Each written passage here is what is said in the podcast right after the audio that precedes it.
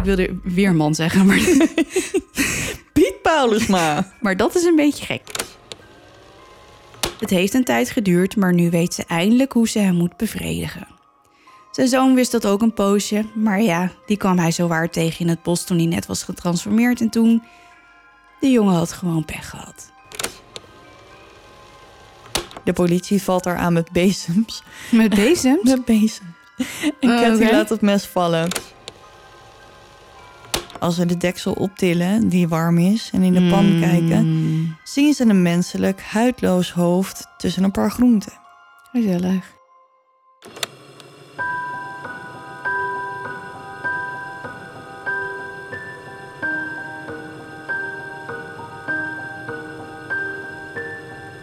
Dit is Duister. Een podcast waarin je wordt meegenomen naar het onbekende, het onbegrijpelijke. Zwarte bladzijden van de geschiedenis komen voorbij. Hier hoor je de verhalen achter moord, doodslag en onverklaarbare gebeurtenissen. We kruipen in de hoofden van een serie moordenaars, heksen, mythische wezens. Luister. En huiver naar duister. Hallo duisteraars. Hallo. Welkom bij een nieuwe aflevering. Daar zijn we weer. Nummer 27. Nou, eh, een beetje maar gelijk- teleurstellend eh, Ja. nieuws. Laten we het er maar gewoon het was een heel leuk uitgooien. eh, gala. Uitreiking. Helaas. Helaas, jongens, we hebben hem. Maar we hadden ook wel een hele goede, sterke concurrentie. Ja. Dus de kans dat we hem gingen winnen was al...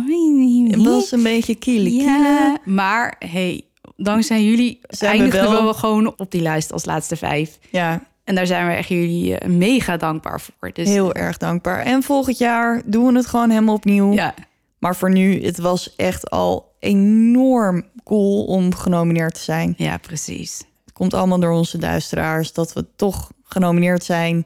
En dat hebben we aan jullie te danken. Dus nogmaals bedankt dat jullie wel op ons gestemd hebben en in ons geloofd. En het lag nu in de handen van de vakjury. Dus, Maar, maar, oh, maar, oh, we hebben nog de Dutch Podcast Award. oh ja, Daar kan je nog wel voor stemmen. daar, dat klopt ja, tot 16 oktober. Zeker. Dus help ons dan maar dan die. Die, ja, dan hebben, dan hebben we, We nog een nog kans een, een om- herkansing. Ja, om die wel te winnen. Ja. En die eh, bestaat uit 50% vakjury Mhm. en 50% stemmen van het publiek, dus van jullie. Dus Hoe meer hoe stemmen. meer stemmen, hoe, hoe meer kans. Hoe meer kans. En dat doe je via? www.podcastawards.nl slash stem. En dan vallen we in de categorie verhalend. En En? de t-shirts. Oh, de t-shirts, ja. Ja, want we hadden natuurlijk wat beloofd. Zeker, zeker. We hadden namelijk beloofd dat als we daar genomineerd zouden worden, dat, Dat, we we, dan iets leuks zouden doen. wat weg gingen geven. En dat is geworden, je zei het al. T-shirt. Jee, met een heel mooi duisteraars logo erop. Ja.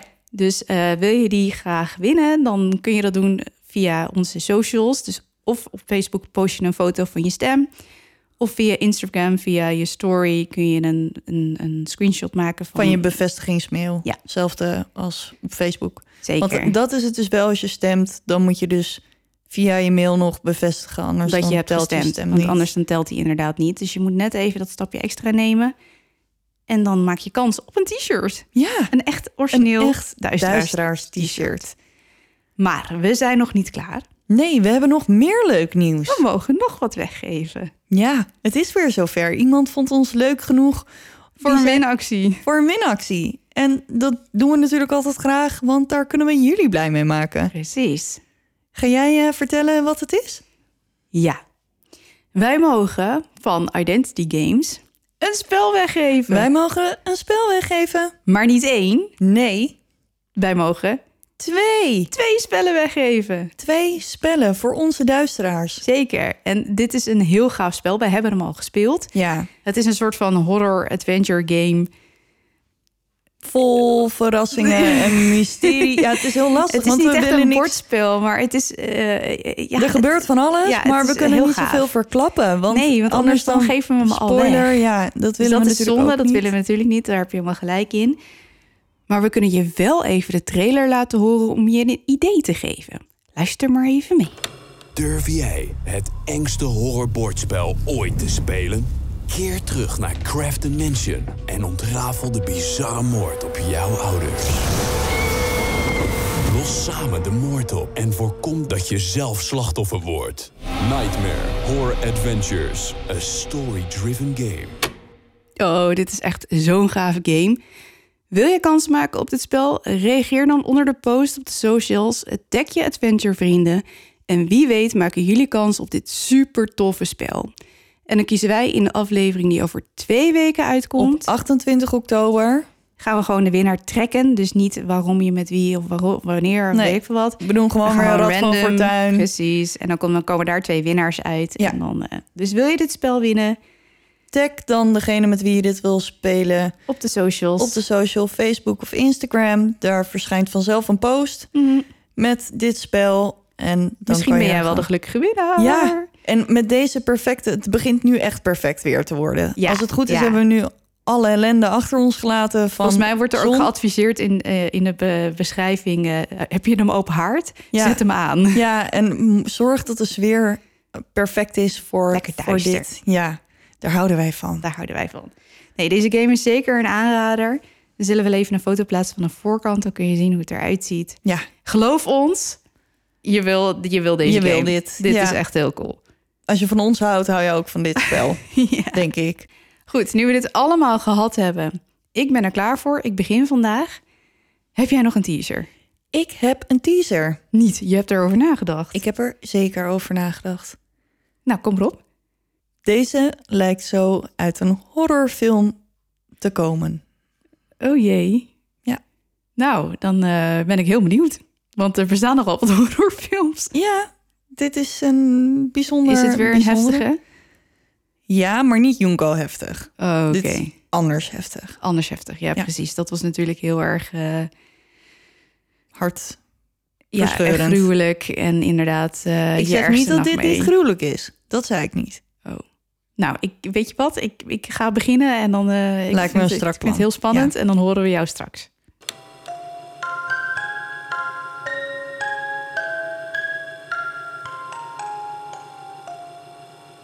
Goed, lieve mensen, lieve duisteraars. Het zal, zal jullie niet ontgaan zijn. Het is natuurlijk spooktober. Het is zeker spooktober. Eindelijk. Het heeft even geduurd. Het heeft even geduurd. eindelijk. Dus ik hoop dat al die zonaanbidders lekker genoten hebben van een bloedhete pokkenzomer. Maar nu Is het Is tijd voor ons? ons? Ja, precies. Ik hoop op wervelwinden, st- herfststormen, Herfststormen. onweer, overstromingen. Geef me alles. ik ben die zon zo zat. Ja, Ik heb gewoon echt last van een zomerdepressie, denk ik.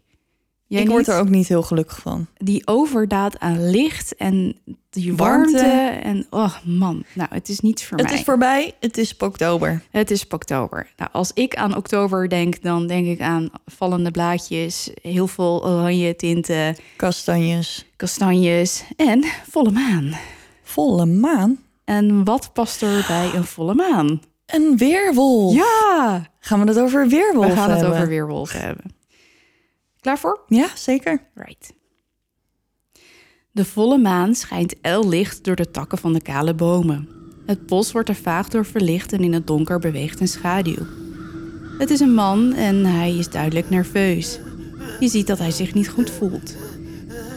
Ineens gooit hij zijn hoofd in zijn nek en maakt hij een dierlijk geluid. Zijn tanden beginnen te groeien, zijn gezicht vervormt en hij krijgt een snuit. Zijn lichaam helt naar achter als zijn benen een onnatuurlijke houding aannemen. Zijn handen veranderen in klauwen en op zijn rug verschijnt nu een vacht. Het beest scheurt uit zijn kleren en staat op. Hij keert zijn kop naar de maan en huilt. De jacht kan beginnen. Dit is natuurlijk het beeld dat Hollywood graag wil schetsen van de weerwolf. Zeker. Maar de mythe van het beest is al erg oud. De weerwolf is afgeleid van het woord vera wolva Zo, en komt uit het oer-Germaans. het oergermaans. Het oer-Germaans. Wie kent het niet? Nou, ik kende het niet. Dat is een taal die rond het begin van de jaartelling in Europa werd gesproken. En Vera betekent man en Wolva betekent wolf. Dus in feite zeg je letterlijk, Manwolf. ja, man-wolf, inderdaad. Ik wilde weer man zeggen, maar, Piet Paulusma. maar dat is een beetje gek. Man-wolf, je hebt helemaal gelijk. Het vroegst bekende verhaal over het beest is de Griekse legende van Lycaon. Ik hoop dat ik het goed uitspreek. Vast niet. Maar, maar volgens mij is de C bij de Grieken een K. Dacht ik. Ik heb geen idee. Nou, ik ging dus op zo'n website opzoeken hoe je het moet uitspreken. En daar stond alle woorden ter wereld hebben wij hier op de website. Dus ik typ deze in. En wat denk je dat er staat? Deze niet. Je hebt er één gevonden die niet in onze database voorkomt. Toen dacht ik, nou top, dan weet ik het nog niet. Dus ik, eh, Griekse mythekenners bij voorbaat, spijt me als ik het verkeerd uitspreek. Lycaon, denk ik. Lycaon is vader van 50 zoons en staat bekend om zijn arrogantie en goddeloosheid. De oppergod Zeus is beledigd en besluit in de gedaante van een oude man Lycaon een lesje te leren. Die avond komt hij tijdens de schemering aan bij het huis van Lycaon en laat duidelijk merken dat hij een god is, maar niet welke god. Veel zoons knielen vroom en buigen hun hoofden, maar Lycaon lacht iedereen uit en roept: Ik wil eerst helder bewezen zien dat deze man een god is en geen mens. Daarop nodigt Lycaon de oude man in zijn huis uit voor een gastmaaltijd. Terwijl de oppergod aan de praat wordt gehouden, laat Lycaon een van zijn eigen zoons slachten. Slachten. Slachten. Dood. Dood, ja, doodslachten. De zoon wordt gevild en een deel van het vlees wordt gekookt in een ketel. De rest van de ledematen worden boven het vuur geroosterd. Ook wordt er een dier geslacht. Het vlees van het dier wordt vermengd met het vlees van de dode zoon en zo wordt er een heerlijke maaltijd bereid. Eenmaal klaar wordt de maaltijd voorgeschoten aan Zeus en zodra deze merkt wat Lycaon heeft gedaan, wordt hij woedend en werpt de tafel omver. Met een hevige storm laat hij het huis van Lycaon in vlammen opgaan en doodt daarmee alle overgebleven zoons. In pure doodsangst laat Lycaon op de vlucht, maar Zeus laat het er niet bij zitten en laat hem dus niet zonder straf ontsnappen. Hij verandert Lycaon in een wolf, waardoor deze levenslang door de bossen zal moeten zwerven en s'nachts zal janken over het verlies van al zijn zoons door zijn eigen goddeloosheid. 50 zoons. 50. Allemaal dood. Ja, Omdat hij zo...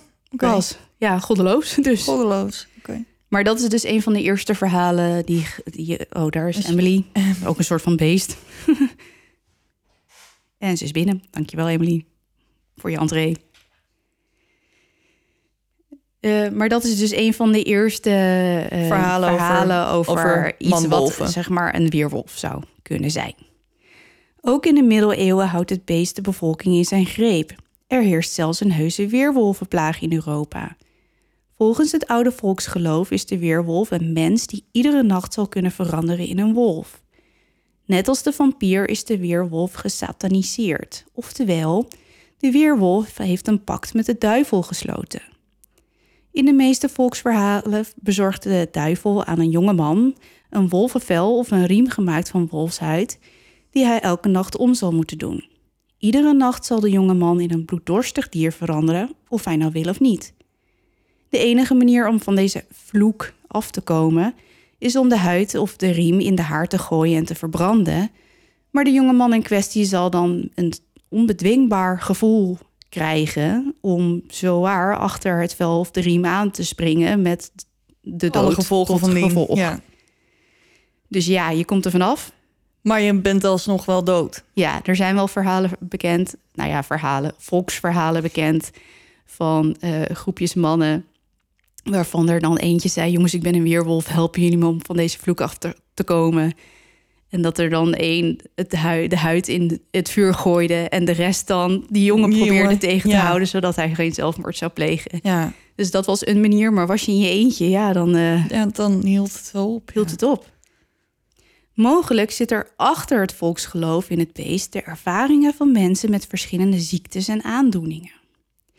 Ten eerste kan de ziekte hypertrigose in de meest extreme gevallen haargroei over het hele lichaam veroorzaken, zelfs in het gezicht.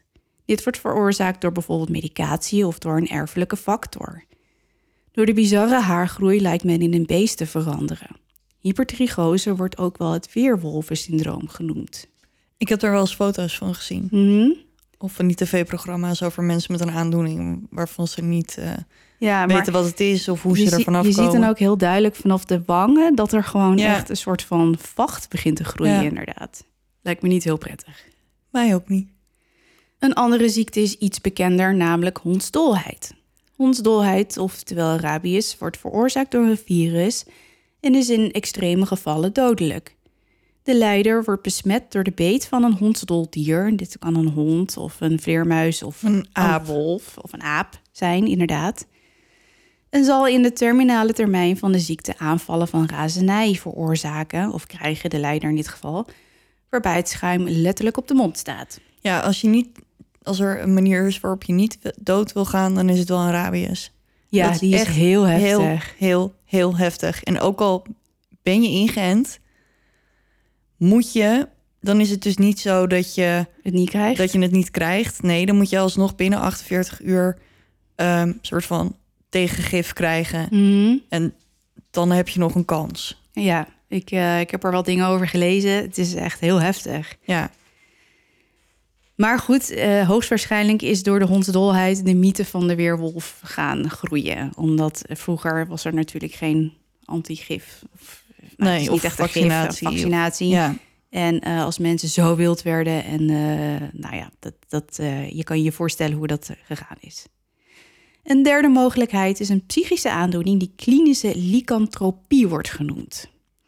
Lycanthropie is een geestelijke aandoening waarbij iemand lijdt aan de waan dat hij in een dier verandert, zich voelt als een dier of zich als een dier gedraagt. En nou vond ik een verhaal van een man, vrij recent.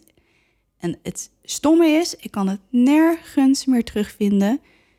Maar dat gaat over een man in Londen, die heeft dit, vrij recent, in de jaren zeventig. En die dacht dus echt dat hij een weerwolf werd.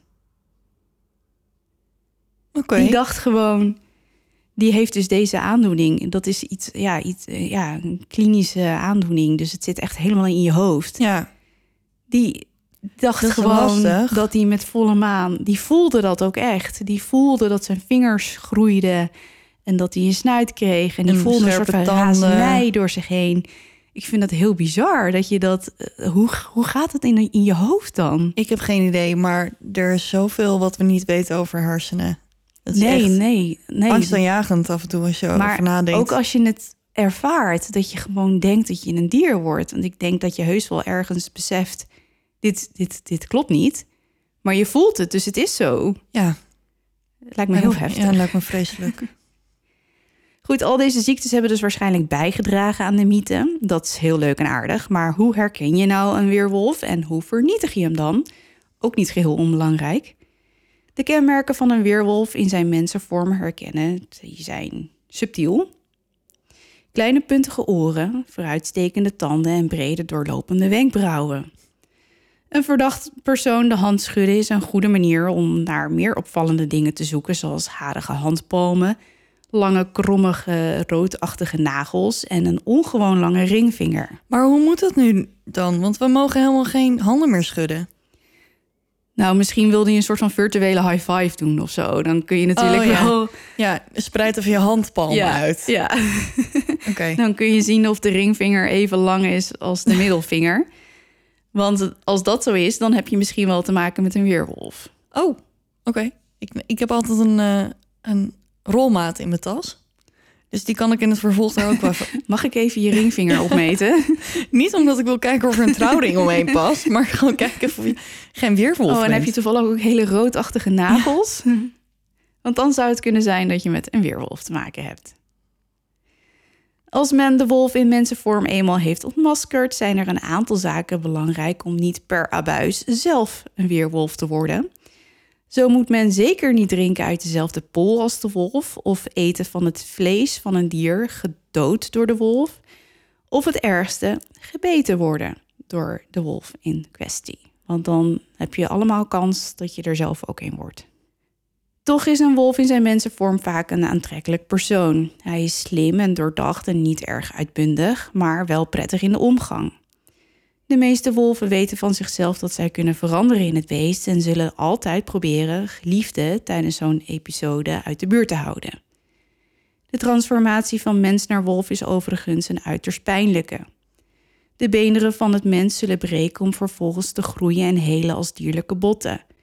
De spieren rekken op om zich aan te passen aan het nieuwe skelet. De organen krijgen een nieuwe plek, zodat zij optimaal kunnen functioneren in het nieuwe lijf.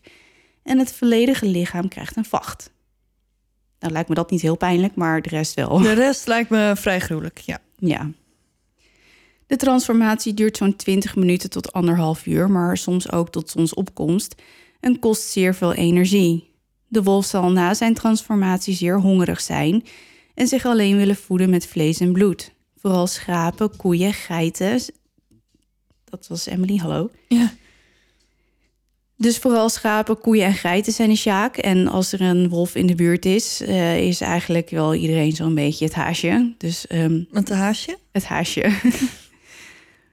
maar goed, nadat een wolf zich eenmaal gevoed heeft, zal hij willen drinken om vervolgens in slaap te vallen. En tijdens die slaap zal de weerwolf weer terugkeren in zijn menselijke gedaante. Al die moeite voor zo'n korte tijd. Ja. Ja, het is een nacht meestal. Ja, volle maan. Ja, en dan is het weer klaar. Ja. Maar, goed, daar ging ik het net over Oh, hebben. oh. Het idee dat een persoon alleen tijdens volle maan of op vaste tijden kan veranderen is niet helemaal waar. De grootste veroorzakers van dit idee zijn films als The Werewolf in London uit 1935 en The Wolfman uit 1941. Ook het idee dat men niet vrijwillig in een wolf verandert is toegevoegd door de filmindustrie. Dus het is niet helemaal per se Accuraat. iets. Het is niet per se waarheid. Mhm. Oké, stel, eh, een weerwolf terroriseert jou en je dorp en je wil er vanaf. Ja, Hoe doe je dat dan? weet ik niet. Met hooivorken? Dat is een beetje ouderwets. Er zijn ook andere manieren. Vertel. Er zijn een aantal zaken die een wolf niet zo heel erg leuk vindt en die men kunt ondernemen om van het beest af te komen. Als eerste, bescherm het lichaam en dan vooral de vitale organen van jezelf dus. Ja, als je op jacht gaat Ja. met een, naar een weerwolf. Dus we moeten een maliënkolder aan. Dat kan, maar er zijn nog wel meer opties. Eh, Net als de meeste roofdieren zal een weerwolf aanvallen naar eh, waar het lichaam het zwakst is, namelijk de hals, het hart en de buikregio. Het dragen van leer kan heel erg helpen, Mhm. omdat het zelfs voor een bloeddorstige weerwolf met grote klauwen het lastig is om door enkele lagen van dik leer heen te Bijten. Ja, of een klauw. Klauw, ja. Eh, leer is namelijk echt heel erg stug, dus dat kan helpen. Oké. Is een goede tip, moet je Ja, ik noteer dit. Oké. Mentaal zeker. Ja. Een ander middel tegen weerwolven is monnikskap. Dit kruid, ook wel aconitum genoemd, is niet alleen dodelijk voor mensen, maar ook weerwolven gaan er niet erg goed op. Ze kunnen dit kruid van mijlenver ruiken en houden er dus niet van.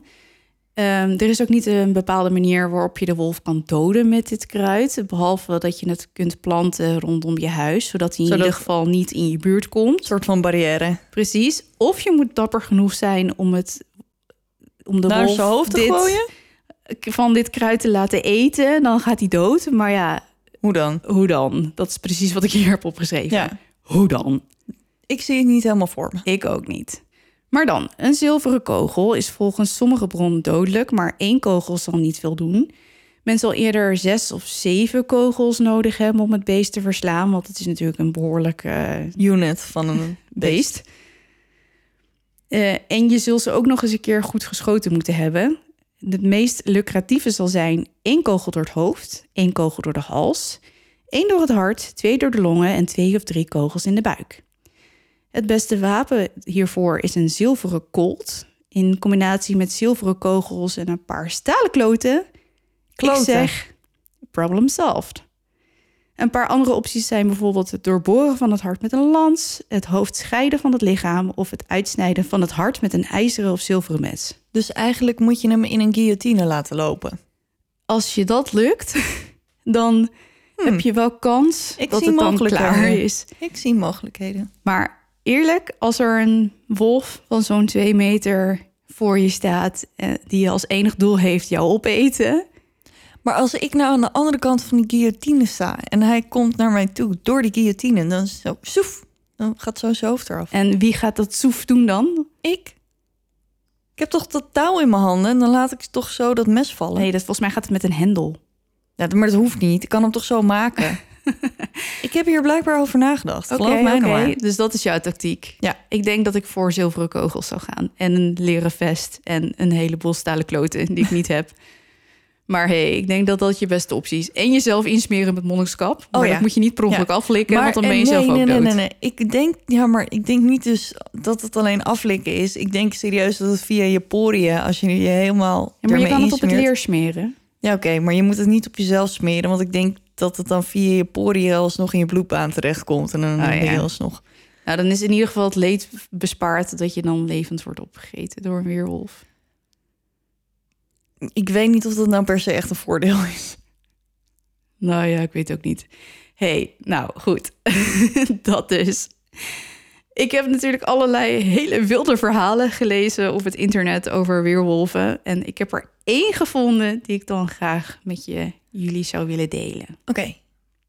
In het jaar 1574 is de angst voor weerwolven enorm groot. Maar niet alleen weerwolven worden gevreesd. Vampiers, heksen, demonen en alles wat men niet begrijpt, is kwaadaardig. En zo worden de dorpelingen van Bedburg al jarenlang opgejaagd door een weerwolf. In het middeleeuwse dorp dat zo'n 45 kilometer van Keulen af ligt, probeert iedereen zo goed en zo kwaad als het kan zijn leven te leiden. Het is zwaar, maar de inwoners van Bedburg redden het zolang ze samen blijven. Want in de omliggende bossen van het dorp is het niet veilig. Al vele jaren verdwijnen er dorpelingen spoorloos die alleen het bos ingaan om vervolgens nooit meer terug te keren. Een eindje van het dorp af woont Pieter Stumpf, of Peter Stoemf, Stoemf, Stoemf. In een nog kleiner dorpje genaamd Eprath, denk ik. Eprath, Eprath. Dat klinkt heel Spaans, dat is het niet. Mijn Duits is niet fantastisch. Ergens eind 1525 wordt Peter geboren. Wat zijn echte naam is, weten we trouwens niet, maar wel dat Stoemf dat niet is. Peter mist namelijk zijn linkerhand en in het Duits betekent Stoemf natuurlijk stomp. Vandaar de bijnaam. Peter heeft een vrouw, maar die is gestorven en een zoon en een dochter. Wat de naam van zijn zoon is, weten we helaas niet, maar dat zijn dochter Sybil heet, dat is wel bekend. Peter is een vreemde vogel. Niemand mag hem. Ondanks dat hij zijn leven aardig op orde heeft. Hij is een rijke boer, heeft een grote boerderij en een maîtresse, Catharina. Maar Peter heeft ook een geheim. Een erg duister geheim. Toen Peter namelijk 12 jaar oud was, sloot hij een pact met de duivel. De duivel had hem op een nacht bezocht en hem verteld dat Peter alles zou kunnen zijn wat hij maar wilde, zolang hij zijn ziel maar aan de duivel zou geven. En Peter, ja, die wilde dat wel. Die ziel, die had hij toch niet nodig. Oh, ik dacht dat je ging zeggen, die had hij al niet. Nou, als je de rest hoort, dan twijfel ik daar wel een beetje aan. De duivel gaf hem een riem gemaakt van wolvenhuid. Als Peter dan die riem omdeed, dan werd hij naar eigen zeggen een monster. Zijn huid zou dan pijnlijk gaan trekken. De zenuwen in zijn tanden zouden hem vreselijke pijnen bezorgen terwijl zijn hoektanden groeiden. Zijn rug zou zich krommen terwijl zijn wervelkolom uit zijn vel zou scheuren. Zijn voeten zouden in poten veranderen en zijn nagels zouden groeien en hij zou uit zijn kleren scheuren. En dan, dan zou hij janken en rennen en alles verscheuren dat op zijn pad terecht kwam. En zo gaat Peter al bijna 25 jaar door het leven. Wanneer hij zin heeft in bloed, doet hij zijn riem om en transformeert hij tot een bijna 2 meter grote wolf in het bos. Daar wacht hij tot hij een vrouw alleen tegenkomt of hij volgt er een vanuit het dorp die hij wil hebben of die hij aantrekkelijk vindt. En dan wacht hij tot ze alleen is. Als dat moment daar dan is aangebroken, sleurt hij haar mee, springt op haar borst en gebruikt hij zijn klauwen om dat heerlijke, malse, warme mensenvlees kapot te rijten met zijn klauwen. Hij zal zijn snuit diep in de hals van de vrouw steken en dan met zijn tanden het vlees kapot scheuren. En dan, als hij verzadigd is van het bloed, misschien dat hij in zijn mensenvorm dan nog wel op een andere manier aan zijn trekken zal kunnen komen. Wat een romanticus. Nou, heel erg romantisch. Hoe heet het ook weer? Seks met lijken? Necrofilie. Nee, dat, nou, precies dat. Gezellig. Maar dat hoeft niet altijd. Meestal is het bloed genoeg en hij heeft toch Sibyl thuis, zijn dochter. Het heeft een tijd geduurd, maar nu weet ze eindelijk hoe ze hem moet bevredigen. Zijn zoon wist dat ook een poosje, maar ja, die kwam hij zowaar tegen in het bos toen hij net was getransformeerd en toen. De jongen had gewoon pech gehad. En nu is hij op weg naar Bedburg. Hij heeft net zijn riem afgedaan en loopt door de smalle straten van het dorpje. Hij voelt zich opgetogen, de mensen kijken hem argwanend aan, maar dat deert hem niet. Hij groet zelfs de moeder van het meisje dat hij net in stukken heeft gescheurd en achter heeft gelaten op de open plek in het veld. Hij maakt zelfs een praatje met iemand. Niet het beste gesprek, maar hij weet dat niet al te veel opvallen belangrijk is. Wat misschien wel opvalt is dat Sibyl zwanger is en dat is natuurlijk wel gek, want ze is niet getrouwd. Maar ja, hij had zich niet kunnen bedwingen en ze is ook zo knap. En nu is ze dus zwanger. Daar zal hij nog een oplossing voor moeten bedenken. Die dikke buik van haar maakt hem wel opgewonden hoor. Nog niet eens zozeer naar Sibyl zelf, maar wel naar het ongeboren kind. Hoe graag zou hij zijn tanden willen zetten in die warme, volle buik en het warme water gemengd met bloed langs zijn gezicht willen voelen stromen. Wat een walgelijke kerel. Ja, je snapt wel hoe gruwelijk het geweest moet zijn, maar zo komt het dat Peter in de komende twee maanden twee zwangere vrouwen vermoordt en hun voeten ze opeet. Oké. Ja, hier moet je maar niet te lang over nadenken. Nee, nee, nee. nee, nee. Oké, ga verder. Als de dorpelingen te bang worden en zich een tijdje niet in de bossen wagen, eet Peter dan maar vee. Schapen vindt hij lekker en geiten en dan vooral de lammetjes. Maar niets is lekkerder dan een jong meisje. Sterker nog, hij is op de hoogte van een kleine groep meisjes die vanmiddag door het bos naar huis moeten lopen. En hij kan niet wachten om er één te grijpen. Hij glimlacht in zichzelf en voelt de spanning voor de jacht in zijn lichaam. Na zijn transformatie blijft Peter stil liggen langs de kant van het pad en wacht tot de meisjes voorbij lopen. En dan, als ze hem gepasseerd zijn, laat hij een luide grom horen en springt hij uit zijn schuilplaats tevoorschijn. Met één grote sprong grijpt hij het meisje die hem opgewonden laat voelen en sleurt haar weg uit de groep. Het kind spartelt tegen en begint wild om zich heen te slaan en ziet kans om te gillen. Ze gilt zo hard dat Peter een ogenblik verslapt en het meisje kans krijgt om achteruit te krabbelen. Ze gilt nog een keer en Peter ziet aan haar gil dit keer dat het niet om hem is, maar om iets dat blijkbaar achter hem gebeurt. Hij kijkt om. Dat pestkind heeft het voor elkaar gekregen om de koeien te laten schrikken. Hij ziet nu dat de kudde in beweging is gekomen en op hem afdendert. Hij draait zijn hoofd terug en ziet dat het meisje niet heeft afgewacht en is gaan rennen. En achter hem hoort hij nu de galopperende hoeven in snel tempo dichterbij komen. De grond begint te beven onder zijn voeten en hij hoort de briesende geluiden van de koeien. Peter grond woest en zet het op een rennen. Hij is sneller dan de kudde en verdwijnt in het bos. Een tijdje zoekt hij nog naar het groepje meisjes, maar ze zijn verdwenen. Gelukkig. Na die ongelukkige ervaring met de koeien wordt het voor Peter steeds lastiger om nieuw bloed te vinden. De dorpelingen nemen wapens mee op een tocht door het bos en reizen nu in grotere groepen. Groepjes vrouwen worden steeds vaker begeleid door mannen die vrijwillig aanbieden om de vrouwen veilig op een bestemming te krijgen. Ook wordt er een burgerwacht ingesteld. Mannen met honden bewaken de bossen en schieten op alles wat los en vast zit. De inwoners van Bedburg zijn het helemaal zat. En terecht. Op een heldere nacht ligt Peter verstopt in de struiken te wachten op een prooi als hij ineens onaangenaam verrast wordt door de burgerwacht. Hij wordt door een van de honden opgemerkt en al snel worden alle honden wild en sleuren hem uit zijn schuilplaats naar een open plek in het bos. Peter probeert zich bijtend en grommend van de honden te ontdoen, maar ze zijn met te veel en al snel wordt hij omsingeld door de burgerwacht. Met geladen wapens staan ze om hem heen en met de wild blaffende honden weet Peter dat hij maar één ding kan doen. Hij doet zijn riem af. Vol afgrijzen ziet de burgerwacht het monsterachtige wezen voor hun ogen in een mens veranderen. Peter, verslapt door de transformatie, valt op de grond en wordt direct overmeesterd. Een van de mannen haalt de magistraat en Peter wordt gearresteerd. En dit is het dan.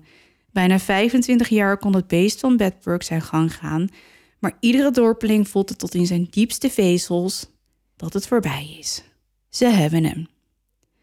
Op 31 oktober 1589 wordt Peter naar het dorp gebracht. Op het plein wordt hij vastgebonden aan een breekrad.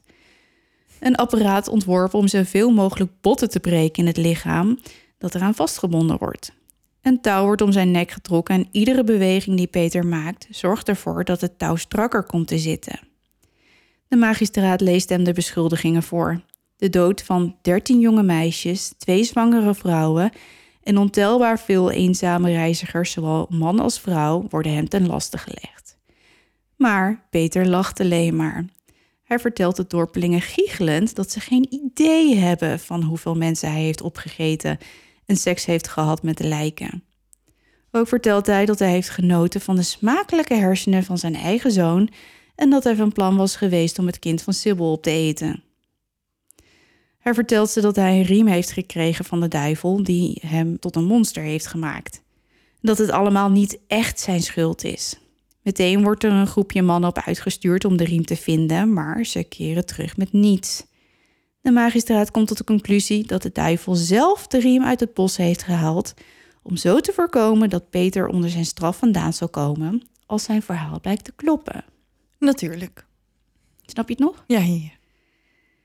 En dat is de druppel. De menigte op het plein ontsteekt in complete woede.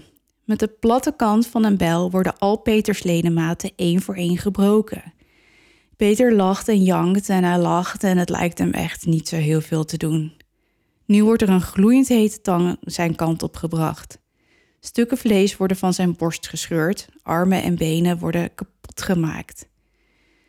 Peters tong wordt uitgetrokken en nu kan hij alleen nog maar een gorgelend geluid maken. Zijn haren worden verbrand, zijn ogen uitgestoken en dan, als er niet veel meer van hem over is, wordt Peter met de bijl onthoofd.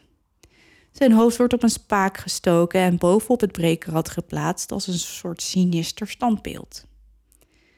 Het lichaam van Peter wordt daarna verbrand. Sibyl en Catharina staat hetzelfde lot te wachten. Sibyl wordt beschuldigd van incest en Catharina van medeplichtigheid. En de vrouwen kunnen niets anders doen dan met ledenogen aanzien hoe hun straffen dan ook maar zonder iets van een eerlijk proces ten uitvoer worden gebracht. Na elkaar worden ze levend op het verkoolde lichaam van Peter gegooid en levend verbrand. Gadver. In november 1589 is na 25 jaar eindelijk de rust in Bedburg weer teruggekeerd. Wat een verhaal, joh. En dat was het verhaal van Peter Stoemf. Wat een verhaal. En dit is eh, waar gebeurd, lieve mensen. Waar is gebeurt? waar gebeurd. Ja, er is ergens eh, begin eh, eh, 16e eeuw pardon, een, een pamflet in Londen opgedoken met dit verhaal. Maar door een oorlog die toen woedde, zijn alle geboortecertificaten en alle inwonersaantallen van Bedburg zijn allemaal zoek geraakt. Dus we weten niet precies wanneer Peter echt geboren is, wat zijn echte naam was. Maar dit verhaal is dus mond op mond gegaan totdat een schrijver in Engeland Het ehm, heeft opgetekend. het heeft opgetekend. En dat pam- pamflet ligt volgens mij in een museum in Londen. Eh, en dat, dat, dat is echt zo. Dat kun je bekijken als je dat zou willen. Dus dat is Ik wel ben heel cool. benieuwd. Ja, maar eh, goed, we kunnen wel een soort van concluderen dat Peter misschien niet echt een weerwolf was. Nee. Maar dat hij ziek in zijn hoofd was, dat, dat Ja, lijkt me vrij maar- duidelijk. Ja, Het dat zou zeker. dus kunnen zijn dat hij misschien ook klinische eh, lycanthropie had. In combinatie met een zeer gestoorde geest. Persoonlijkheid, ja. Maar ehm, ja, het was, Hij was in ieder geval niet helemaal hij was niet eh, helemaal lekker, nee. Het Nee. was een behoorlijk moorddadig mannetje. Zeker. En dat was het voor mijn kant in ieder geval. Ja, we zijn nog niet klaar, want ik moet nog. Ik ben heel benieuwd naar, wat was je teaser ook alweer? Ehm, het lijkt net uit een horrorfilm Oh, te komen, nou, zoiets. Ik wilde dus zeggen, toen je dat zei Ja. net, dat lijkt mijn verhaal ook wel een beetje. Misschien meer dan je denkt. Oké. Nou, ik ben heel benieuwd. Ga maar gauw beginnen.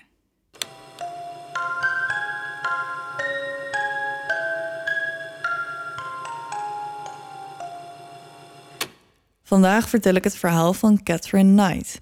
Cathy, zoals ze werd genoemd, werd geboren op 24 oktober 1955 in Aberdeen, New South Wales, Australië. Sowieso. Ze was de jongste van de tweeling, dus ze kwam een paar minuten na haar zusje. Oh, die ja, kwam als ja, ja. eerste wereld. Ja. Ja, die komen er niet tegelijkertijd Nee, uit. nee, nee, dat, dat snap ik. De moeder van Cathy, Barbara Rogan, had een affaire met de vader van Cathy, Ken Knight. Ken was een collega van de man van Barbara, Jack Rogan. Oké, ja, ja, ja, ja. Oké. Snap ja, nog? snap- dus Barbara is ja. getrouwd met Jack en Barbara heeft een affaire met Ken. En daar is, eh, daar is ze de tweeling van. Oké, ja, helder. Als de affaire tussen Ken en Barbara naar buiten komt, vertrekken ze naar Moree. Barbara en Jack hadden al vier jongens samen. En als Jack en Barbara uit elkaar gaan, komen de jongste twee bij haar wonen. En de oudste twee gaan bij een tante wonen of een oma. Dat is een van de twee. Oké. In ieder geval bij een familielid. In 1959 sterft Jack en de oudste twee kinderen trekken ook bij Barbara en Ken in. Cathy was niet zo close met haar familie, alleen met haar tweelingzus en haar oom Oscar Knight, een ruitersportkampioen. Oh, Ja. Maar als hij in 1969 zelfmoord pleegt, is hij daar kapot van. Volgens haar bezoekt zijn geest haar nog regelmatig, zelfs nu, al die jaren later nog. oh. Is het niet een verhaal voor mij, dit toevallig? Dat weet ik niet. Nee, nee, dit is, dit, verder heb ik hier niks over gelezen. Oh, Oké. Maar ik vond het wel een leuk feitje om te vermelden. Fact check. Ken en Barbara trouwen, maar het huwelijk is geen pretje, om het maar even zacht uit te drukken. Oh.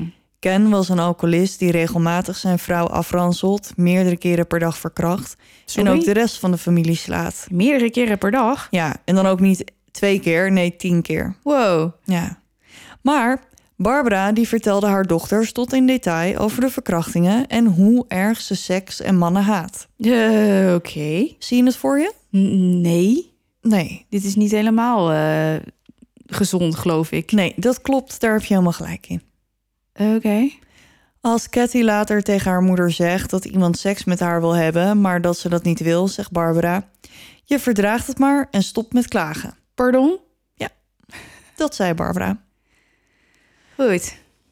Cathy claimt dat ze regelmatig seksueel werd misbruikt door verschillende familieleden, maar niet haar vader.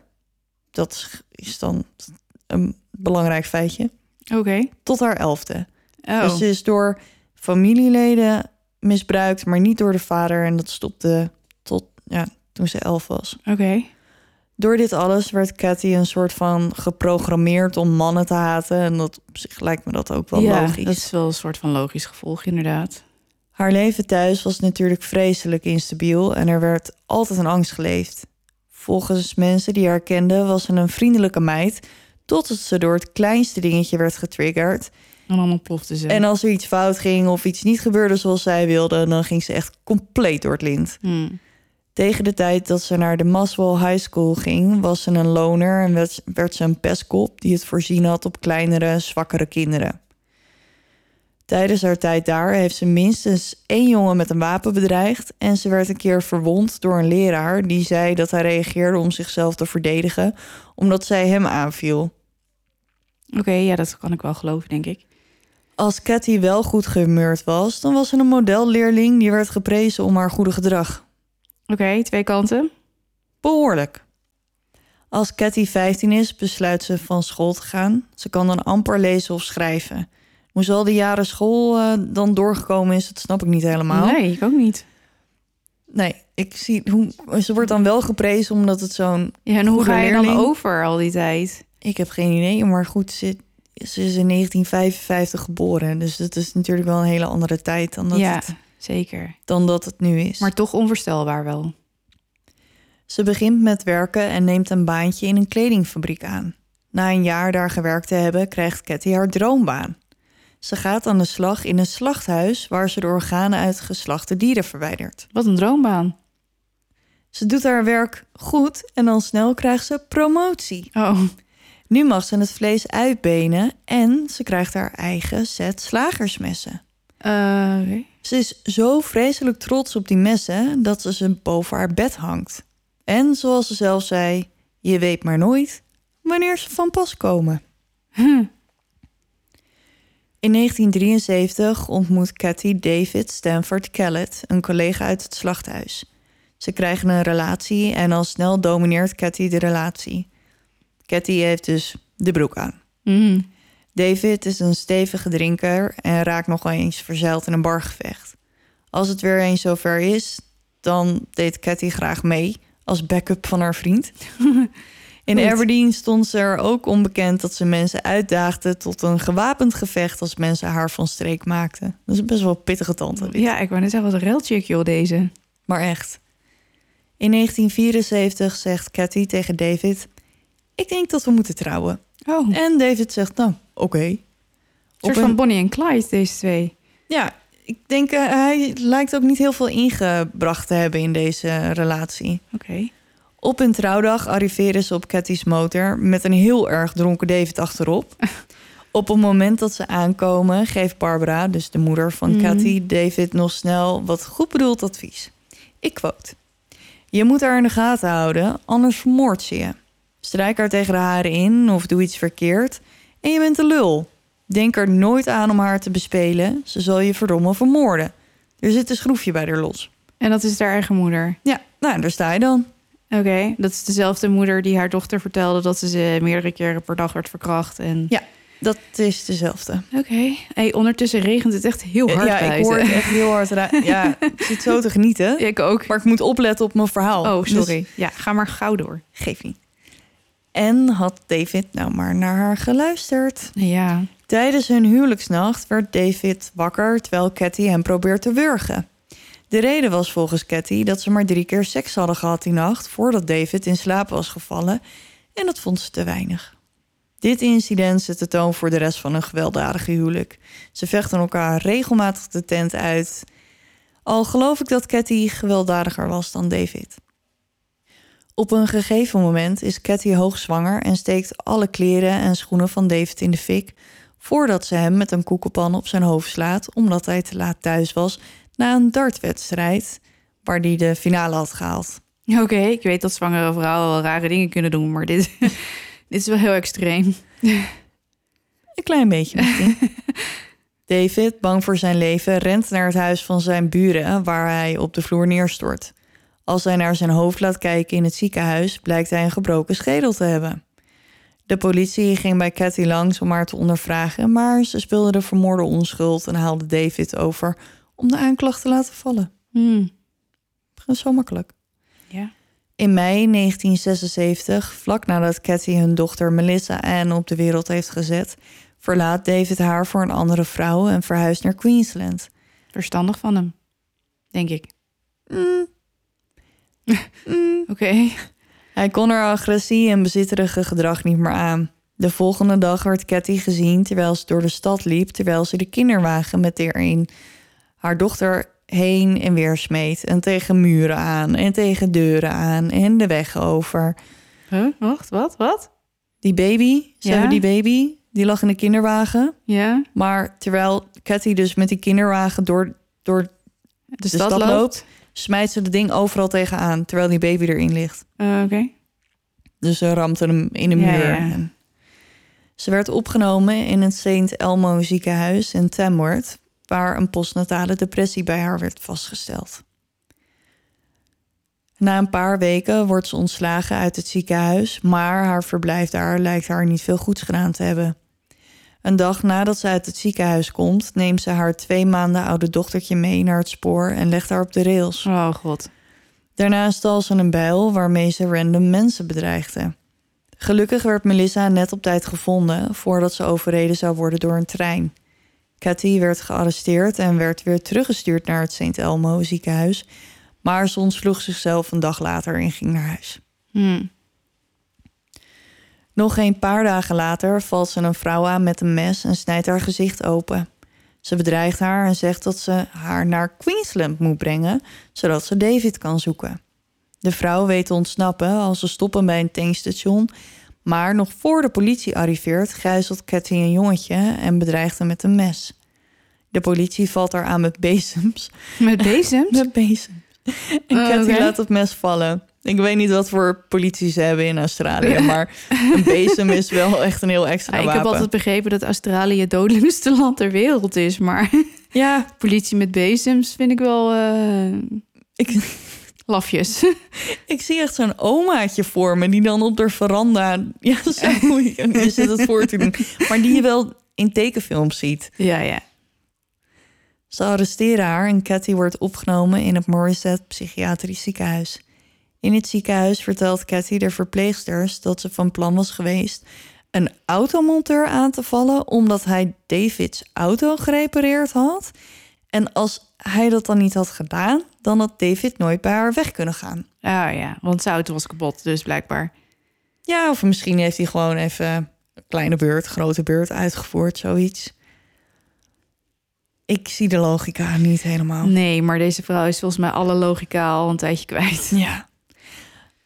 Als de politie dit aan David vertelt, maakt hij het uit met de vrouw waarmee hij in Queensland woont en verhuist samen met zijn moeder terug naar Aberdeen om Cathy bij te staan. Ik weet het niet, maar ik zou eerder emigreren dan terug verhuizen. Ja. Eh, Oké. Hele Maar bijzondere. dan heeft ze wel er zin. Dus. Ja, tuurlijk heeft ze er zin. Hele of bijzondere. was hij gewoon bang? Dat, ze, dat hij dacht, zometeen heb ik een mes tussen mijn ribben. Ik ga maar terug, dan kan ik het in ieder geval ehm, in goede banen leiden. Zou ook kunnen, maar Een soort van omgekeerde psychologie als het gaat om veiligheid of zo. Ik weet het niet precies. ja, ja. Nou, ik weet oké, het niet. ga In ieder verder. geval, ze zijn nu dus weer gezellig Samen. samen met z'n drieën. Nou, helemaal leuk. Op 9 augustus 1976 wordt ze ontslagen uit het ziekenhuis. Samen met David en haar schoonmoeder verhuizen naar Woodridge, een buitenwijk van Brisbane, waar ze een baan krijgt bij Dimmore Meatworks.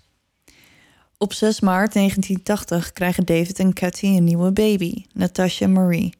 In 1984 verlaat Cathy David en trekt even bij haar ouders in. Daarna huurt ze een huis in een bijgelegen Muswell Brook. Ik moest even goed kijken wat er stond. Wat? Eh, Mas, hoe? Muswell Brook. Dat is een dorpje. Ja. Oké. Een jaar later bezeert Cathy haar rug tijdens haar werk door een ongeluk, geloof ik, waardoor ze niet meer in staat is om te werken. Ze krijgt een uitkering en omdat ze nu geen huis meer hoeft te huren in de buurt van haar werk, krijgt ze door de gemeente een huis toegewezen in Aberdeen. Oké. In 1986 ontmoet Cathy een nieuwe David, de 38-jarige David Saunders. Ah, Die noem ik vanaf nu David S. ah oké. Om verwarring te voorkomen. Davids. Davids. David S. werkte in de mijnen en de twee werden vreselijk verliefd. Een paar maanden later, na een eerste ontmoeting, trekt David S. bij Cathy en haar dochter in, maar hij houdt wel zijn eigen huis aan. Waar is Melissa dan? Dat is toch de eerste dochter? Ja, ik weet niet waar zij is. Misschien zijn ze er alle twee. Oh, oké. Eh, Omdat je het echt zo dochter, Dochter, zei. ja, nee, dochters, denk ik. Dochter, Sorry. oké. Maar hij houdt dus wel zijn eigen huis aan. Verstandig. En dit kon Cathy maar moeilijk verkroppen. In haar hoofd betekende dat dat hij er nog een ander leven op nahield. Ze was vreselijk jaloers en ze gooide hem regelmatig uit haar huis. Iedere keer dat dat gebeurde, ging hij weer naar zijn eigen huis totdat ze hem smeekte om weer bij haar terug te komen. Hmm. Dit herhaalde zich keer op keer. In mei 1997 snijdt ze voor zijn ogen, en dit is echt heel zielig, zijn twee maanden oude dingo-pup de keel door. Nee joh. Ja. En En- die overleeft het niet. Nee. En zonder echte reden ook, behalve dat ze hem wilde laten zien wat er met hem zou gebeuren als hij vreemd zou gaan. En slaat hem daarna bewusteloos. Met een, Wat? met een koekelpan. Wauw, deze vrouw... ehm, Bijzonder type. ja, nou, het, wat de hel. Deze vrouw is gewoon gestoord. Maar hoezo... Ah, nou, er, ko- er, komen, er komt een verontwaardiging komt alweer opzetten. Ik Ja, voel hem ik alweer hoor het borrelen. alweer. Ik voel hem alweer En ik borrelen. ben, nog, ik ben nog niet eens eh, daar. Oké, ik laat je eerst nog even verder vertellen. In juni 1987, en volgens mij zei ik net Ja, je zei wat... 97, Ja. maar ik bedoelde 87, ja, sorry. nee, geeft niet. Dus 87 zit ja. baart ze haar volgende dochter, Sarah. Holy shit, waar met... Oké. Waar had ze die vandaan? Nou ja, oké, echt die mechanic snap ik wel, maar... Jeetje. Na de geboorte doet David S. gelijk een aanbetaling voor een huis... en Cathy betaalt de rest af met geld dat ze had gekregen... na haar ongeluk op haar werk waarbij ze haar rug blesseerde. In 1989 versiert Cathy het hele huis met dierenhuiden, schedels, hoorns... verroeste dierenvallen, leren jassen, oude laarzen, machetes, harken en hooivorken. Echt, het hele huis was bedekt met deze dingen, zelfs het plafond. Oké. Lekker knus, toch? Heel. Als je van een soort van berghut jachtstijl houdt. Maar dan, zeg maar, next level. Oké. Tijdens een ruzie slaat ze David S. in het gezicht met haar strijkijzer en daarna steekt ze hem met een schaar in zijn buik. Hij verhuist maar weer terug naar zijn eigen huis. Als hij een tijdje later terugkomt naar het huis van Cathy, ziet hij dat ze al zijn kleren in stukken heeft geknipt. David S. nam een lange tijd vrij van zijn werk en dook ergens onder. Cathy deed er alles aan om hem te vinden, maar iedereen weigerde haar te vertellen waar hij was. Dat lijkt me wel verstandig, ja. Ja. Na een paar maanden komt hij uit zijn schuilplaats en gaat op bezoek bij zijn dochter. Daar komt hij erachter dat Cathy naar de politie is gegaan. Ze heeft hem verteld dat ze doodsbang is voor David.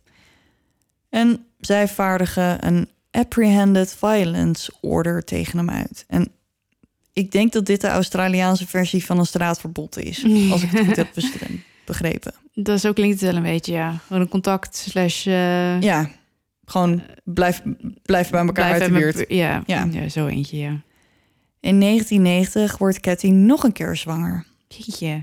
Deze keer van een 43-jarige man genaamd John Chillingworth. Ze krijgen een jongetje en ze noemen hem Erik. Hun relatie duurde drie jaar. Cathy verliet hem voor de man waar ze een affaire mee had. John Price. Nog een John. Ah, Oké. Maar John Chillingworth speelt verder niet zo'n grote rol. Dus ik hou het voor nu gewoon allebei op John. Want dit Ja, was alles over Chillingworth. Ja, precies. Goed, de affaire dus. John heeft met zijn ex-vrouw drie kinderen. Hij werd beschreven als een geweldige vent, door iedereen geliefd. Na de scheiding van zijn vrouw bleef hun twee jaar oude dochtertje bij haar en de twee oudste woonden bij hem.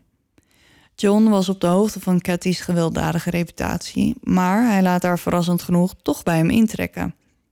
In het begin was alles roze geur en maneschijn, totdat, nou ja, Je weer ging flippen. totdat het dat niet meer was. Nee. In 1998 krijgen de twee ruzie omdat John niet met haar wil trouwen. Cathy is natuurlijk furieus en neemt wraak door videobeelden te maken van een EHBO-doos die John mee naar huis had genomen van zijn werk en stuurt de beelden naar zijn baas. Wat een wraak. Ja, maar John wordt ontslagen, want hij heeft dat tussen aanhalingstekens gestolen en je mag natuurlijk niks stelen van je werk. Maar hoe, hoe, huh? hoe heeft ze dat gedaan dan?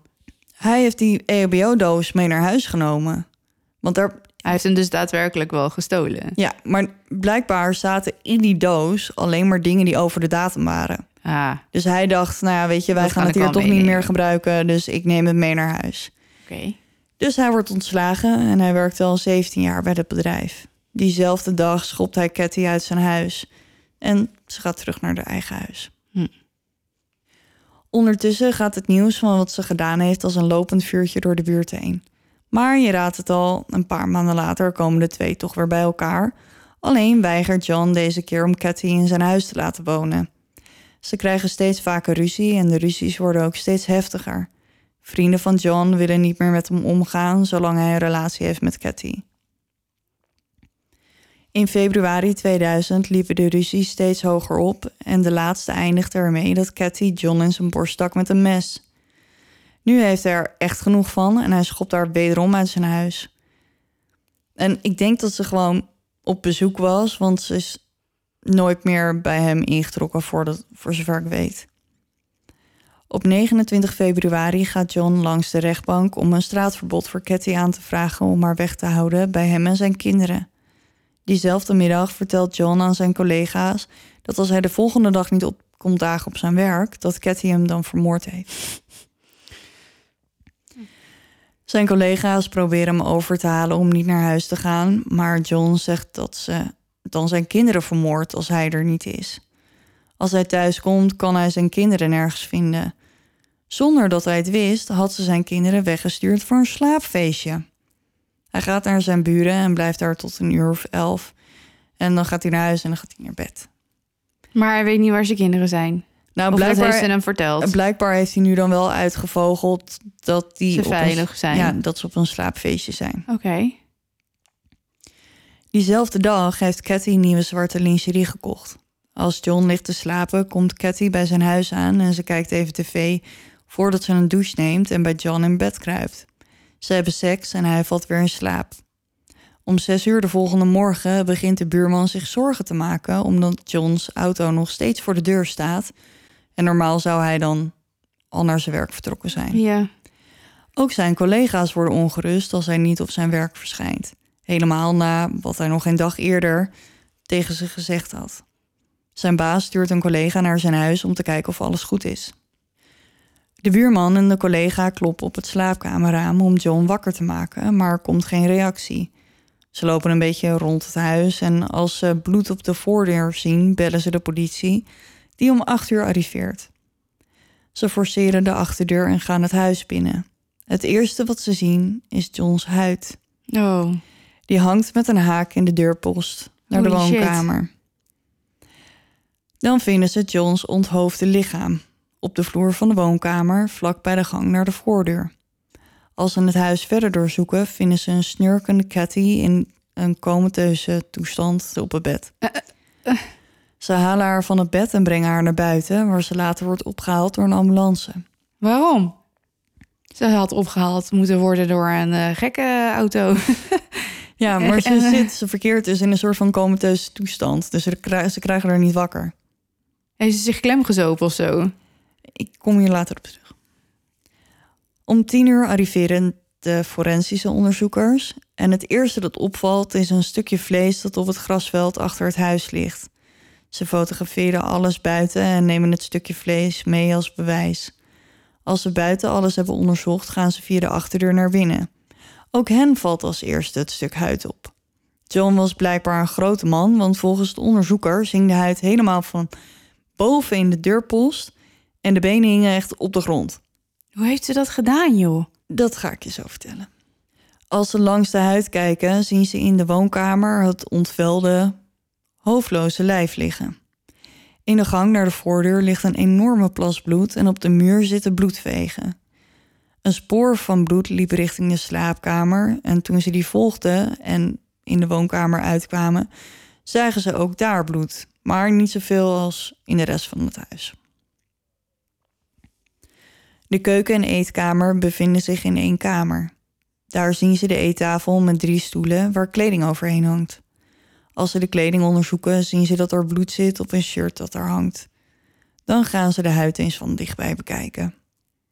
Aan de bovenkant kunnen ze iets zien wat lijkt op zwart krullend haar, een neus, een stukje mond en een oor. Eeuw. Ongeveer op de helft van de huid zien ze een klein beetje zwart haar, wat schaamhaar lijkt te zijn. In de huid zelf zien ze steekwonden, ongeveer een meter vanaf het begin van de huid. Dus als je denkt dat het begin van het huid het hoofd is, dan ergens in de buik, borst, regionen. Ja, sorry, ik zie het helemaal voor me.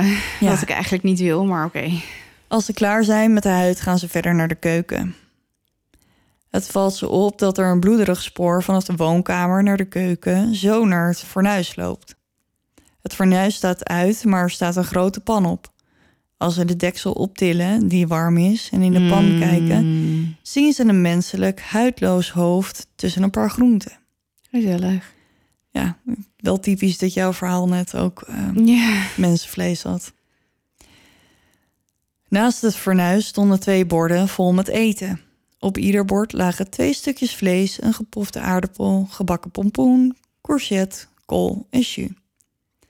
Onder de borden lagen afgescheurde papiertjes met een naam erop. Op de ene stond Beaky en op de ander stond Jonathan, de naam van John's kinderen. De stukjes vlees die op de borden lagen leken op het stukje vlees dat ze eerder in de tuin hadden gevonden. Overal in de keuken lagen spullen waar bloed op zat. Messen, snijplanken, kopjes, op de koelkast, nou echt alles. Wacht, ik bedenk me nu dat deze vrouw natuurlijk in een slagerij heeft gewerkt. Ja, Dus die weet heel goed hoe je dit moet doen. ja, dat klopt. Oh ja. Na de keuken gingen ze weer naar de woonkamer om het hoofdloze lichaam te onderzoeken. Aan de bloedvlekken kunnen ze afleiden dat eerst zijn huid is verwijderd en daarna pas zijn hoofd, omdat er een duidelijk afdruk van zijn hoofd in het bloed te zien is. Dus nou ja, het it's something, denk ik. Als ze de nek bekijken, kunnen ze zien dat zijn hoofd heel secuur en netjes verwijderd is, met een heel scherp mes. In de buurt van het lichaam vinden ze een aanzetstaal om messen mee te slijpen. Op een kastje vinden ze een handgeschreven briefje vol spelfouten. En ik had er een beetje moeite mee om dit te ontcijferen. En dan ook nog eens een keer in het Nederlands te vertalen. Maar ik heb het geprobeerd. Oké. In het briefje stond: Tijd kreeg je te pakken, Jonathan, voor het verkrachten van mijn dochter. Jij naar back voor Ross, voor kleine John. Speel nu met Little John's Dick, John Price.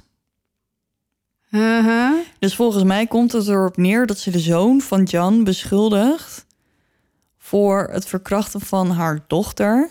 Op welke leeftijd hebben die nu dan ongeveer? Dat weet ik niet. Ik weet helemaal niks over die kinderen verder. Oké. Ik weet ook niet welke dochter. Het, het klinkt een beetje alsof ze weer voor de politie wilde laten doen alsof het niet haar schuld is. En dat ja, ze nu ja. dat sowieso. uit een soort van razernij dit ja. heeft gedaan of zo. Omdat dan de zoon van John haar dochter zou hebben verkracht. Zoiets, ja. Ja, ja. oké, helder. Het was de politie al snel duidelijk dat Cathy John vermoord had, gevild en onthoofd. Toch wel. Toch wel, ja. Ze was van plan geweest stukjes van zijn billen aan zijn kinderen en haarzelf te serveren als ze weer thuis zouden komen. En dat lichaam, dat had ze dan voor het gemak even opgeruimd? Of? Nee, die lag in de woonkamer. Aha. Logisch wel. Uit de autopsie blijkt dat John dood was toen hij werd gevild. Nou, dat is tenminste iets. Ja, een scherp mes was net onder zijn sleutelbeen ingebracht en horizontaal over de bovenkant van het lichaam gesneden. Van schouder tot schouder. Daphne zit ondertussen mee te tekenen op haar eigen lichaam. Ja. We zitten daar toch allemaal... Maar als je daar voelt, dat is heel hard. Ja, dat zijn botten, maar we, we hebben het nu alleen over huid. Dus de bedoeling is dus net zoals met het fileren van een vis... dat je de huid losmaakt van het vlees eronder. Dus Ja, we, ja. Snijden niet in, we snijden niet in botten nu. het Nee, is echt alleen maar maar je, je zegt het zo plastisch. Ja, Het fileren van een vis, ja, daar kan je het inderdaad mee vergelijken. ja of, of, een, of een beest. Ja, Maar dus horizontaal. ja oké. Het was een rechte, zuivere snee en anatomisch heel nauwkeurig. Vervolgens werd het mes omgedraaid en langs de borst en over de buik naar de schaamhaarlijn gesneden. En met een andere rechte lijn tot een T gemaakt. Oké, Snap je nog? ja, zeker. Ze volgde de punt van het mes rond zijn schaamstreek en zorgde ervoor dat zijn penis en ballen niet doorsneed. De voorkant van John's dijen, over de knieën en over zijn voeten. Ze tilde daarna het lichaam op, hield zijn armen omhoog en sneed de bovenkant van elke arm en over de bovenkant van zijn hoofd. Zo. Ja, ik snap het. Maar dat, wow. Oké, maar hij was een grote man. Ja, Maar volgens mij, want ik heb wel eens gezien, dat vond ik niet heel leuk overigens. Dat als je bijvoorbeeld een konijn geschoten hebt en je ontwilt hem, dan moet je dat met één ferme ruk doen, zeg maar, zodat je in één keer de huid van het beestje aftrekt. ja, dat gaat dus niet als je een man... Nee, dat snap ik. Maar die huid die zit toch vast met, met weefsel en spieren en nee maar dat snijdt ze los. Oké. Maar dat is, dat is, eh, wow. Dat is, dat is heel veel, dat is zwaar werk, denk ik. Ja. Maar ze gaat dus over zijn hoofd, zijn haar en dan zijn gezicht en dan nou, helemaal over de lengte van het lichaam tot En dan aan kan ze hem zo voeten. afpellen. Ja, waardoor Johns ingewanden bloot kwamen te liggen. Mhm. Zijn hele huid was dus in één stuk, inclusief penis en ballen en steekgaten. Volgens de patholoog die de autopsie deed, heeft het hele proces zo'n 40 minuten geduurd. What? Dat, dat, ik dacht echt dat ze daar uren, mee bezig mee bezig. Ja, maar ze is natuurlijk dieren gewend. Dus dit kan zij op een dier met haar oog dicht. Dus ze heeft natuurlijk genoeg Ja. geoefend.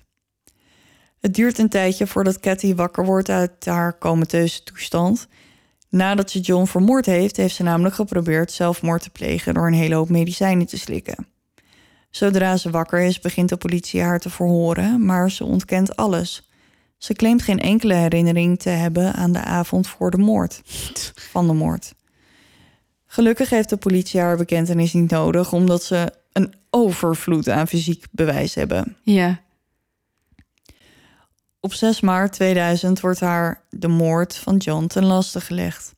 En alsof de moord zelf nog niet genoeg was, en het is, de moord is natuurlijk wel erg genoeg.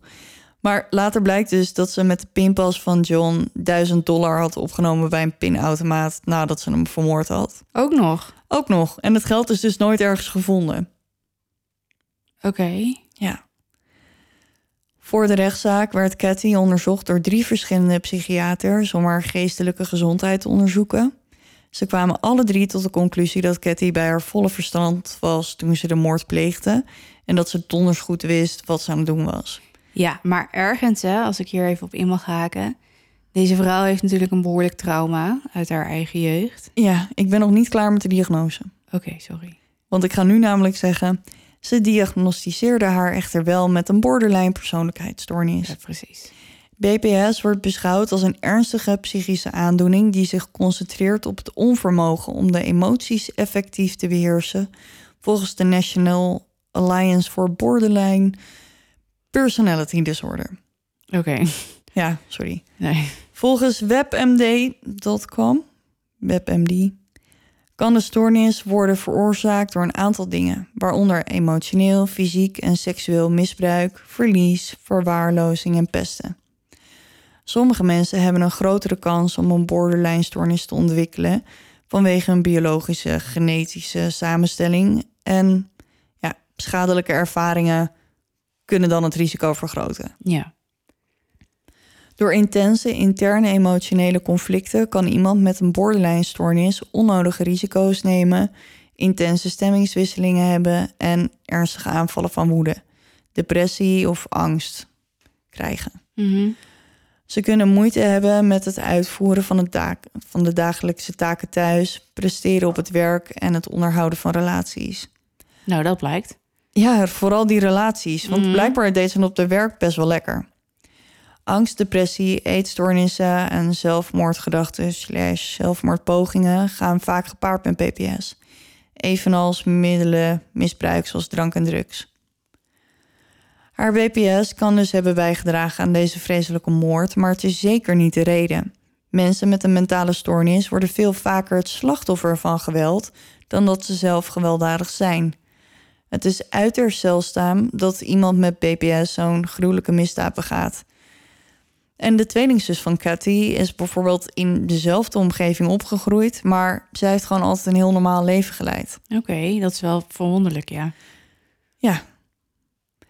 Tot ieders grote verrassing bespaart Cathy de kinderen en de familie van John het trauma van een proces. Ze pleit schuldig, zodat een proces niet meer nodig is. Op 8 november 2001 legt rechter Barry O'Keefe haar een levenslange straf op zonder kans op vervroegde vrijlating. Dat lijkt me verstandig. De rechter zei dat haar papieren gemarkeerd moesten worden met nooit meer vrijlaten. Cathy is de eerste vrouw ooit in Australië die een levenslange straf zonder kans op vervroegde vrijlating kreeg. Cathy werkt nu in een fabriek van de gevangenis waar ze koptelefoons maakt. Daar schijnt ze een van de beste werknemers ja, te dat zijn. zal wel, want dat gaat wel goed. Ja, en haalt het hoogste salaris binnen. En iemand die met haar in de gevangenis heeft gezeten, zegt het volgende over haar. Ze krijgt meer werk gedaan dan ieder ander. Ze heeft plezier in haar werk en is trots op wat ze doet. Vier bewaarders houden alles wat ze doet scherp in de gaten. Dat lijkt me verstandig. Ja. Om één uur is ze klaar met haar shift en na de lunch gaat ze terug naar haar cel. Haar vrije tijd vult ze met haken, breien en schilderen. Ik weet het niet hoor, maar ik zou haar dus echt niet vertrouwen met een breinaald. nee, maar dat klinkt ook zo oudbollig dat ze dan gaat zitten schilderen. Ja, ze is inmiddels ook wel oud. Ze heeft iemand gefileerd, ik weet het niet. Ja, en ze doneert dus een heel groot deel van wat ze maakt aan goede doelen en om geld op te halen voor de gevangenis. En ze zal echter nooit haar werk signeren, omdat ze niet wil dat een of andere gek haar werk koopt, omdat ze denken dat het cool is wat ze heeft gedaan. De gedachte dat iemand iets aan de muur hangt alleen maar omdat ze een moordenaar, moordenaar is, doet haar walgen. Maar wacht, krijgt ze nu medicatie voor haar stoornis? Dat heb ik niet kunnen vinden. Ik neem aan van wel. Mis- Ja, want kijk, ik denk dat je behoorlijk opknapt als je de juiste medicatie krijgt. Eh, en dat je dan misschien toch wel een stuk helderder kan denken Ja. zonder die medicatie. Mhm. Dus dat ze nu zo'n omslag heeft gemaakt, als dat zo is, dan kan Ja. ik dat natuurlijk wel begrijpen. ja. In de gevangenis staat Cathy bekend als Nana. Nana, En- Nana. Nana. dan moet ik denken aan de hond van Peter Pan, die heet ook zo, maar oké. Een vriendelijke, zachtaardige ziel die vaak de jongere gevangenen, gevangenen begeleidt. Ze staat bekend als een vredestichter die ruzies opbreekt en voorkomt dat ze escaleren. Ze heeft zich nooit misdragen in de gevangenis, hoewel ze er geen probleem mee heeft om iemand een uitbrander te geven, inclusief de bewakers als ze haar cel doorzoeken. Ondanks haar zorgzame karakter in de gevangenis weten de andere gevangenen beter dan haar uit te dagen. Ze rotzooien gewoon niet met haar, volgens een bewaker die bekend is met Cathy. Cathy is al een paar keer in beroep gegaan tegen haar straf, maar dat werd steeds onmiddellijk geweigerd. Ze zit nog steeds haar levenslange straf uit in het Silverwater Women's Correctional Center. Oké. En dat was het. Je zegt het zo alsof je twijfelt aan je eigen woorden. Ja, nee, ze zit daar. Oké. En daar blijft ze voorlopig ook even en daar zitten. komt ze niet meer vandaan, Dat behalve in dus een toch eh, kist. Ja, tussen zes planken zeggen ze dan, hè? Ja. Dus Oké. dat was het verhaal van Cathy. Nou, gezellig weer. Ja, maar onze verhalen hadden wel eh, overeenkomsten. Dat hebben we wel vaker de laatste tijd. Ja, terwijl we nog steeds niet aan elkaar vertellen wat we doen. Nee. Nee, maar misschien eh, voelen we elkaar nu beter aan op eh, een soort van raar niveau. Ik weet het niet. Energetisch. eh, nee, man. Oh, hou op. Ik heb echt. eh, Wat? ik krijg er de kriebels van. Van het gelul over energetische loa's. En ehm, Oh ja, ook niet. Ik niet. Maar ja, nou ja, het zou toch kunnen dat we gewoon nu denken... nou, het is nu tijd meer voor bloed. En de volgende dat keer kunnen. is het meer tijd Ja. voor mentaal. En de andere keer is het Ja. meer tijd voor gekkies. Je weet het niet. Ja, dit was wel een gekkie met veel bloed. Ja, van beide kanten. Ja.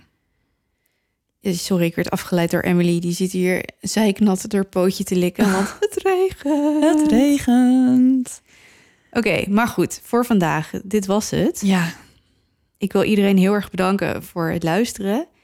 Ik ga toch nog maar een keertje zeggen. Je kunt nog stemmen voor de Dutch Podcast Awards tot 16 oktober. De website Via de website www. podcastawards.nl slash stem. Yes. En wil jij graag de horror game winnen? Reageer dan even op de post die we gaan plaatsen. Tag je, je, je, je game maatje, je horror maatje. Ja, je hebt er wel minstens, je kan het niet met z'n tweeën doen. Nee, Je nee. moet minstens met z'n vieren spelen. Ja, je mag natuurlijk ook meerdere mensen taggen. Gewoon al je vrienden. Tag iedereen die je kent. Ik weet het niet, maar... nee, maar tag het is inderdaad vrienden. geen spel met z'n tweeën te spelen. Dus dat... Nee. ehm, Oh, en ik wil graag nog wat toevoegen. Eh, er staat op de website dat je dit kunt spelen met je tablet, laptop of computer. Maar ehm, ik zou vooral aanraden om het toch met je eh, Laptop. te doen, inderdaad. Ehm, of, of je, computer. zegt het spook, dat is waar. Wij speelden het met de iPad. Ik weet niet of ik dat zomaar mag noemen in een podcast met de tablet. En toen ging het nog niet helemaal lekker. Dat hebben we doorgegeven aan de maker. En die gaat er eh, als de sodemieter wat aan doen. Ja, dus ik denk dat ze daar inmiddels wel heel hard mee bezig ja, zijn. maar, weet je, wil je niet op moment supreme denken... oh, stop ermee. Dan gaat het op je laptop sowieso goed. Dus Ja. dan is dat wel een goede tip. Maar buiten dat, wil je hem binnen, tag je vrienden... en dan kiezen we over twee weken de winnaar. Met het Rad van Fortuin. Zeker. Dus het is geheel willekeurig. Oké, we zijn er doorheen, jongens. Het zit er weer op. Yes. Ik vond het... eh, Bloederig. ik ook, ja. ik ook wilde ik zeggen, maar dat... Ja, ik vond het bloederig. Ja. Nou. we, we gaan maar gewoon... Ik ben sprakeloos. Zoveel Nou, ik wilde zeggen, het is over twee weken bijna Halloween. Daar heb ik echt heel veel zin in. Ja, Toch? Het ja de me- volgende komt de 28ste uit. dus Ja, dan is precies. het bijna, Ja, toch? Bijna. Halloween. Bijna Halloween. Dus dat belooft, dat belooft wat. Ik ben heel benieuwd naar jouw verhaal over twee weken. Ik ook. Want ik moet er nog aan beginnen. Oh, Dus ah, voor ons maar het allemaal vast verrassing. iets Halloweenigs. Wie weet. En misschien hebben we dan al een baby. Je weet het niet. We weten het niet. Heel spannend allemaal. Maar voor nu, in ieder geval bedankt voor het luisteren. En onthoud, Blijf in het licht. want je weet nooit wat er in het duister op je wacht.